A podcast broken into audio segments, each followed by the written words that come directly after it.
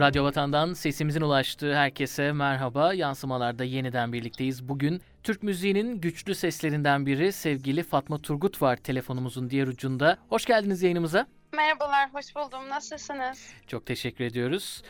Son çıkan tekliğe döneceğim ama isterseniz 2019'a dönelim önce. İlk albümün oluşma sürecini dinleyerek başlayalım.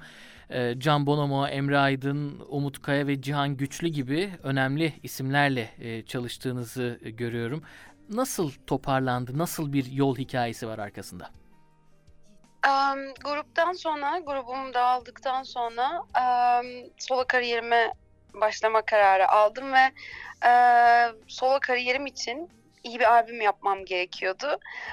10 e, yeni şarkıdan oluşan saydığınız o güzel isimler, e, güzel arkadaşlarım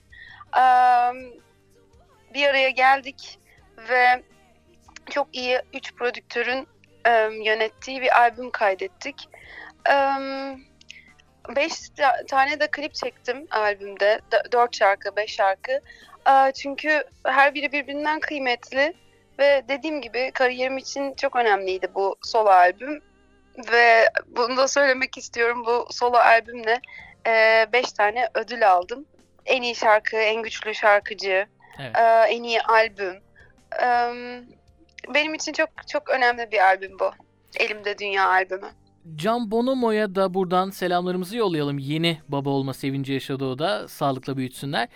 Ee, evet. Albümün e, başarısında da e, büyük payı var. E, bu noktada şöyle bir sorum olacak. Yakın arkadaş çevrenizle çalışmak ve güvenli alanı terk etmemek ya da başarısı kanıtlanmış yoldan ilerlemek bir tercih midir sizin için yoksa yepyeni insanlarla veya müziğinize iyi gelebileceğini düşündüğünüz ama çok da iyi tanımadığınız isimlerle de çalışır mısınız ya da çalışıyor musunuz?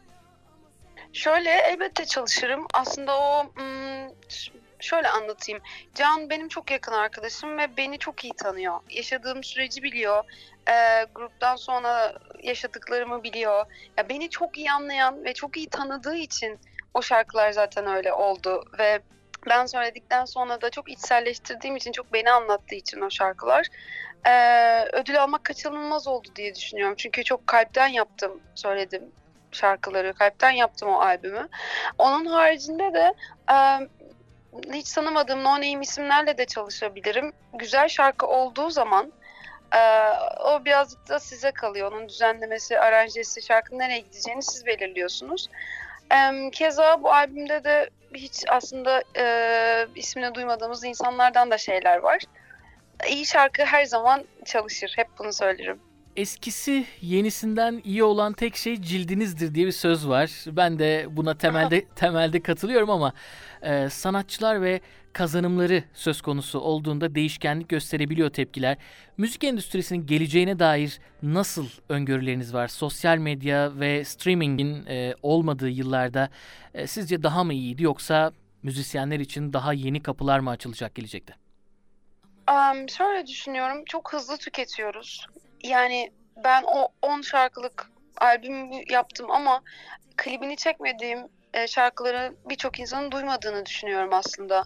E, beni tanıyanlar, takip edenler, sevenler elbette ki yani biz bitirdik, yedik bitirdik albümün yenisi gelsin diyorlar ama biz çok hızlı tüketiyoruz ve şöyle söyleyeyim ya o, o albümde mesela ben keşke yapabilseydim öyle bir imkan e, olsaydı ve bütün şarkıları kliplendirseydim hem hızlı tüketiyoruz hem de aslında bu müzisyenleri daha fazla çalışmaya, daha fazla yaratmaya da teşvik ediyor. Bu da güzel bir şey.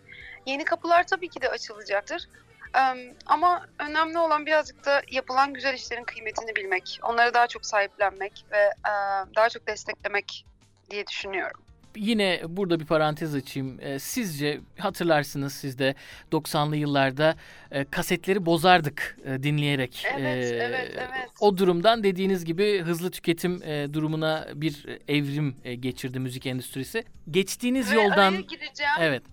Çok pardon. O kartonetlerde, o kasetlerin kartonetlerini açardık. Hangi albümde kim çalmış, kim back vokal yapmış, prodüktörü kim, işte yaylı çalgılarda kim var, klasik gitarda işte Erdem Sökmen yani onların hepsini okurduk biz. O çok değerliydi benim için. Yani ben hala evde duruyor arşiv olarak. Kasetlerim var, CD'lerim var.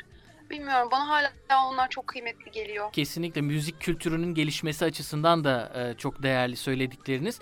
E, sadece şunu öğrenmek istiyorum. Farazi bir soru olacak ama 90'lı yıllarda mı e, Fatma Turgut e, olmak isterdiniz yoksa geçtiğiniz yollardan e, memnun musunuz diyeyim? Geçtiğim yollardan memnunum. Çok şey öğretti. Um, şu an solo kariyerimi yürütürken, um, yürütürken um, çok şey tecrübe ettim önceki zamanlardan da.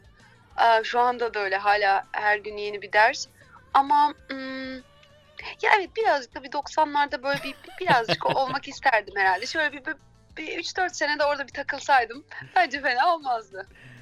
Radyo Vatan'dasınız. Yansımalarda bugün sevgili Fatma Turgut'la birlikteyiz. Son teklinize gelelim. Ee, ben vardım. Müzikseverlerce çok beğenildi. Yanlışım varsa düzeltin ama model grubunun e, ortak yazılmış birkaç şarkısında katkınız var. Onun haricinde solo kariyerinizde %100'ü size ait e, ilk şarkı bu. Ee, ilk şarkı. Ben vardığımın hikayesini dinleyelim sizden. Şöyle ki aslında hep böyle karaladığım, kenara koyduğum şarkılar, sözler, besteler vardı. Bir türlü cesaret edemiyordum.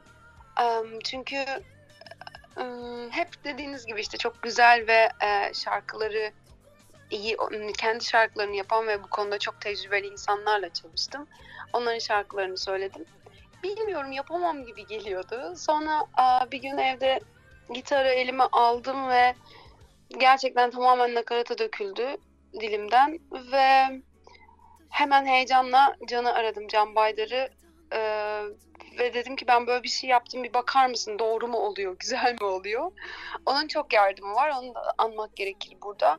E, hemen ön ayak olduğu, yardımcı olduğu, onu da gece grubundan tanıyoruz. Aslında bütün şarkıların grubun söz ve müziklerini Can yapıyordu evet. o zaman da. Um, yani ondan çok büyük destek ve yardım aldım. Şarkının köprü kısmında bana çok yardımcı oldu özellikle. Ee, ve e, tamamen içinde bulunduğum, yaşadığım bir e, aşktan ve yok sayılmaktan bahsediyorum aslında. Ee, çok güzel de bir klibi var. Bu süreci de dinleyelim. Um, pandemi dönemi zaten biliyorsunuz hepimizi mahvettiği gibi setlerde de biraz tedirgin olmamıza rağmen şahane bir ekiple çalıştığım için hiç şey değildim. Tedirgin olmadım. Ecem Gündoğdu, Veli Kuzlu. Benim yıllardır çalıştığım güzel insanlar. Veli Kuzlu şahane bir görüntü yönetmenidir. Sanıyorum şimdiye kadar ki bütün kliplerimizde, bütün kliplerimde Veli Kuzlu vardı. Ecem'le de şahane bir dostluğumuz oldu. Çünkü Ecem beni çok iyi tanıyor. Ve Ecem ben bir şarkı yaptım şimdi lütfen bunu al dinle ve buna hemen klip çekmemiz gerekiyor dedim. Um, yani stüdyoya girdik. Neredeyse bir 6 saat 7 saatte. Normalde klip çekimleri hep uzun sürer biliyorsunuz. Yok hava çok soğuktu. Evet. Yok 13 saat setteydik. Yok böyle oldu. No bizde hiç öyle değil. Ecem gittim. Her şey hazır. 6 saatte falan bitirdik sanıyorum. Ee, çok güzel kareler çıktı ve Ecem de çok mutluydu. Sözü ve müziği bana ait olan bir şarkının klibini çektiği için çok gururluydu. Bu da beni çok mutlu etti. Ortaya güzel bir iş çıktı diye düşünüyorum. Peki e, Covid-19'dan bahsettiniz. Biz de bu konuya değinmeden geçmeyelim. Artık hayatımızın e, tamamını ele geçirmiş durumda çünkü.